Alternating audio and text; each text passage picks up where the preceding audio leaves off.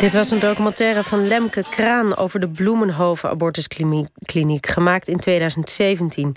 Met als conclusie: de abortusstrijd is nog lang niet voorbij. En die conclusie heeft nu vier jaar later misschien nog wel meer urgentie gekregen.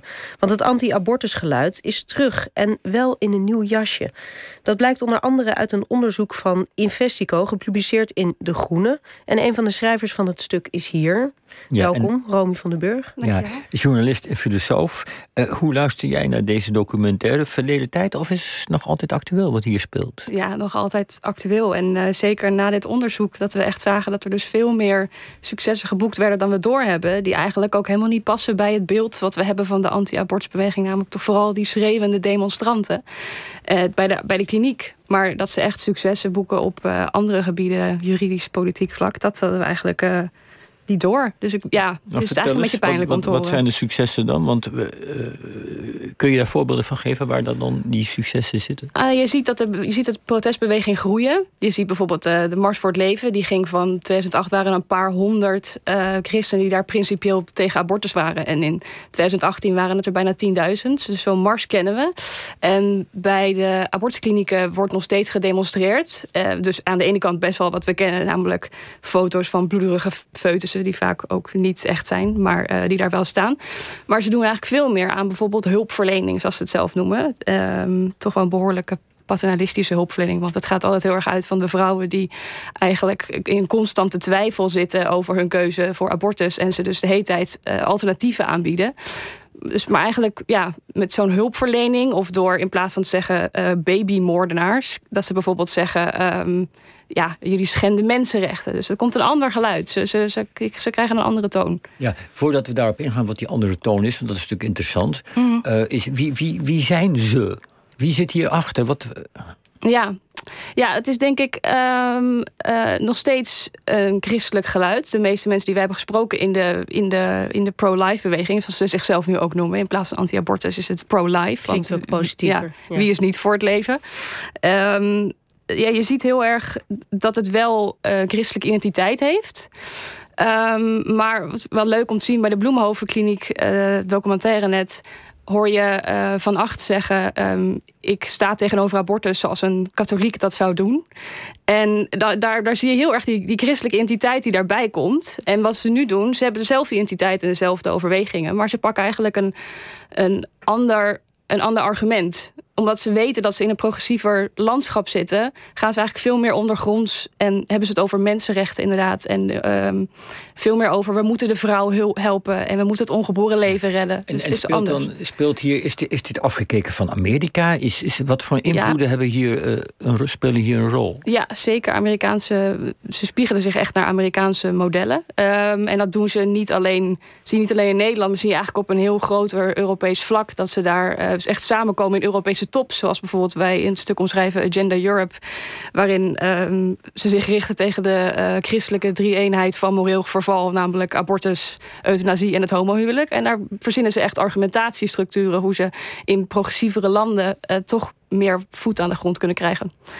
Uh, dus ja, het verenigt zich heel erg en het spiegelt zich echt aan Amerikaanse modellen en manieren van, van, van spreken. En hoe moet je dit dan plaatsen? Want is het dan zo dat iedereen denkt van ja, dit zijn gewoon christenen met, hun, uh, met, een, met, een, met een, een, een apart doekje om die, uh, een, een, seculier argument te gebruiken? Of heeft het ook mm. invloed dat, dat meer mensen die niet uit christelijke uh, fundamenten tegen abortus zijn, maar op algemeen humane grond denken, ja, misschien niet doen. Nou, Heeft het invloed? Ik denk dat dat wel aan invloed aan het, aan, het, aan het winnen is. Ik denk wel dat ze nu al heel erg zeggen dat dat al zo is, maar dat er nog best wel een christelijke identiteit achter schuil gaat. Maar ja, bij de Mars voor het Leven worden ook mensen geïnterviewd die dat inderdaad doen vanuit ja, we willen iets uh, de mensheid uh, helpen. En eigenlijk verder niet uh, dat misschien niet vanuit een christelijke identiteit doen.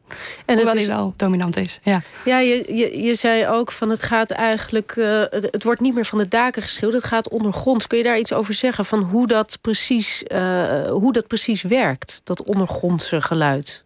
Um, ja, nou ja, goed. Dus naast echt de, de mensenrechten argumenten, um, zie je ook heel erg dat de politiek dit ook heel erg overneemt. Bijvoorbeeld uh, de SGP weten we van dat ze heel erg nou ja, goed tegen abortus zijn. En die zullen inderdaad ook echt nog wel af en toe zeggen dat het kindermoord is.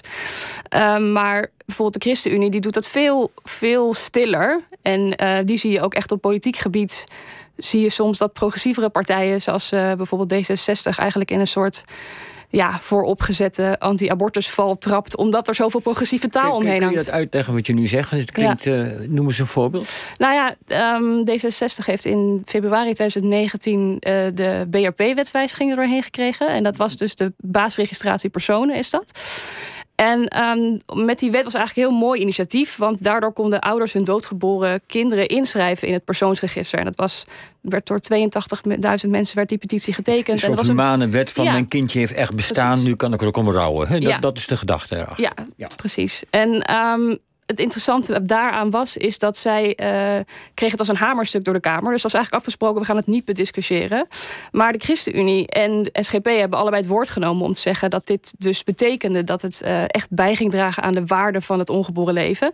En ze hebben in, de, in, de, in het maken van de wet ervoor gepleit dat je het kon inschrijven vanaf conceptie. Dus zeg maar, stel je was je kind verloren na twee weken zwangerschap, dan kon je het ook inschrijven. En het wordt afgesloten toen door staatssecretaris Knops van, de, uh, van het CDA. Die zei, hier gaat niemand misbruik van maken. Uh, en twee maanden later was ChristenUnie uh, Kamerlid Ton Seder... die een vrouw die spijt zou hebben gehad van een abortus...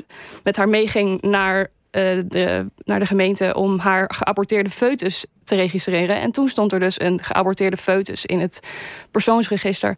En op zich dus, betekent dus dat. Ja, Ja, door. ja, en wat je dus ziet is dat, dat, dat wat we met juristen hebben besproken. Het is niet meteen zo dat abortus daardoor niet meer kan. Maar abortus bestaat op grond van de wet die zegt: komt de dood ter wereld, wordt het geacht nooit hebben bestaan.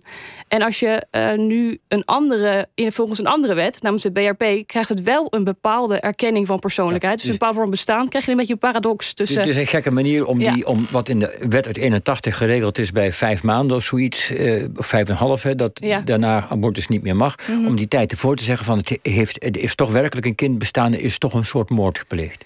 Uh, ja, ja, dat is ook wat ze zelf hebben, achteraf hebben gezegd. Dat ze dit echt hun idee was om dat in die wet zo te krijgen. Um, en ik denk dat, dat dat is een van de dingen waarmee je zegt ondergronds. Ze gaan niet rechtstreeks de abortuswetgeving aanvallen. Want de kans dat dat meteen lukt is uh, niet heel groot. Dus ze gaan eigenlijk de zijroutes pakken waarin je dus het recht van het ongeboren leven uitbreidt. En waar het kan, het zelfbeschikkingsrecht van vrouwen inperkt. En dat is denk ik een veel slimmere manier dan uh, directe abortuswetgeving aan te vallen. Nu zaten we ook net te luisteren naar die documentaire. En uh, het ging ook over die abortuswet uit 1981. Ja. En jij zei van wat gek eigenlijk. Als je dit hoort, dan is het zo vreemd dat we die nooit meer hebben. Dat we daar nooit meer aan zijn gekomen eigenlijk. Ja. Want het is zo'n gekke, een gekke wet eigenlijk. Wat, ja. wat, wat zit er precies in en waarom zou het weer uh, vernieuwd moeten worden of herzien moeten worden? Nou, uh, je hoort de, uh, demonstranten toen de tijd bij de Bloemenhoofdkliniek zeggen... we willen graag dat abortus uit het wetboek van strafrecht gaat. Nou, dat is dus niet gebeurd. Het is nog steeds een, een wet die een vrouw eigenlijk kan inroepen als ze in nood is. En een vrouw kan dan wel zelf bepalen wat die nood inhoudt. Maar um, het is niet een vanzelfsprekend recht. Wat, um, het is dus eigenlijk, en juist doordat het dus in het wetboek van strafrecht staat, zitten er ook heel veel eisen aan, zoals bijvoorbeeld de vijf dagen bedenktijd. Um, wat eigenlijk wederom een behoorlijk paternalistische manier is van kijken naar keuzevrijheid van vrouwen en of ze wel in staat zijn om zelf die keuze te maken. Um, en er wordt nu wel aan, er wordt nu ja. gezegd, hè, die moet eruit. Ja. De meerderheid van de Tweede Kamer wil ja. dat. Ja, klopt. Maar moeten we maar zien of dat gebeurt. Ja, zeker. En ja, je zou bijvoorbeeld ook kunnen kijken, waarom gaan we niet proberen om het helemaal opnieuw te herzien? Want we hebben bijvoorbeeld in, uh, in Canada staat het gewoon in de wet als een medische handeling. En het lijkt me toch mooier dan zeggen het mag niet tenzij. Het mag is, klinkt toch mooier. En, en nou hebben we het over dat groeiende uh, anti-abortus geluid of pro-life geluid eigenlijk. Staat er ook iets tegenover? Uh, heeft, heeft de andere kant een goed antwoord daarop?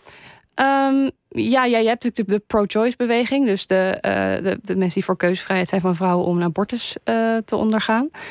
Um, en die, hebben, die hebben wel een tegengeluid. Maar ik heb toch het idee dat de, mensen die we spraken niet heel erg in de gaten hebben hoeveel terrein pro-life eigenlijk aan het, aan het winnen is. Dus, um, en, en juist omdat pro-life heel goed is in de argumenten anders formuleren, uh, hebben ze het vaak gewoon niet door. En dat zie je dus ook met D66, Vera Bergkamp, die waarschijnlijk niet vermoedend dacht. Ja, mooi. ik denk dat de mensen die in de abortuskliniek zelf werken het wel doorhebben. Want er staan, ik, ik, fiets, ik fiets er langs uh, één vaak. En daar staan mhm. ze toch echt uh, met borden inderdaad. Uh, ja, ja. ja. ja, dat doen ze en sterker nog, ik geloof dat er zelfs bij sommige abortusklinieken... om even daar nog op in te haken, ook bordjes hangen... pas op, agressieve demonstranten. Ja, ja nou ja, goed. klinieken in Nederland willen eigenlijk een landelijk verbod op demonstranten... die echt rechtstreeks, of nou ja, echt voor de kliniek staan om vrouwen te overtuigen. Dat willen ze eigenlijk verbieden. Vorig jaar is volgens mij in Arnhem heeft de burgemeester zo'n verbod uh, opgelegd. Um, uh, ja, en je hebt bijvoorbeeld wel, bijvoorbeeld de Bovengrondse heeft ooit een keer, uh, of vorig jaar, abortusbuddies in leven geroepen. Dus dan kan je, je, kan je vrouwen begeleiden die naar de kliniek gaan, zodat ze. Oh, een soort veiligheid, ja. een soort uh, bewaker. Ja, zodat ze minder lastig vallen. En, en je noemde net Canada, geloof ik, als voorbeeld van hoe het wel geregeld kan worden, als ik het mm. goed gehoord heb. Zijn, zijn er nog andere voorbeelden van landen waar de wet zo geregeld is dat het niet meer een genade of een gratie is, maar een recht? Um, niet dat ik een direct ander voorbeeld heb. Nee, er zijn, eigenlijk, er zijn heel veel landen waar het überhaupt nog niet goed geregeld is natuurlijk. Voor dat ook niet vergeten. Nee, maar ehm, eigenlijk zouden we dus bijvoorbeeld... maar Canada zou een voorbeeld kunnen zijn. Ja, waar we ons denk ik aan zouden kunnen spiegelen. Van, uh, we noemen ons als altijd zo progressief en dat we vooruitstrevend zijn. Het is eigenlijk wel mooi om dat dit een keertje aan te passen. Nou ja, dus D66 is de tweede grootste partij. Het zou dus moeder kunnen. Ja, ja, als we allemaal een beetje meer opletten op hoe ze dingen verwoorden en hoe het in de Kamer naar voren gebracht wordt, dan zou dat uh, een hoop schelen, denk ik. Dus bewustzijn van de, van de retoriek, inderdaad. En, daar ook en de sluip- en kruipwegen. Ja, Zeker. Goed, Romy van den Burg, hartelijk dank. Dankjewel. Uh, voor wie meer wil weten over het onderzoek dat jij in groepsvorm deed... ga dan naar De Groene Amsterdammer uh, voor het artikel... en ook uh, de podcast die te beluisteren is. En dit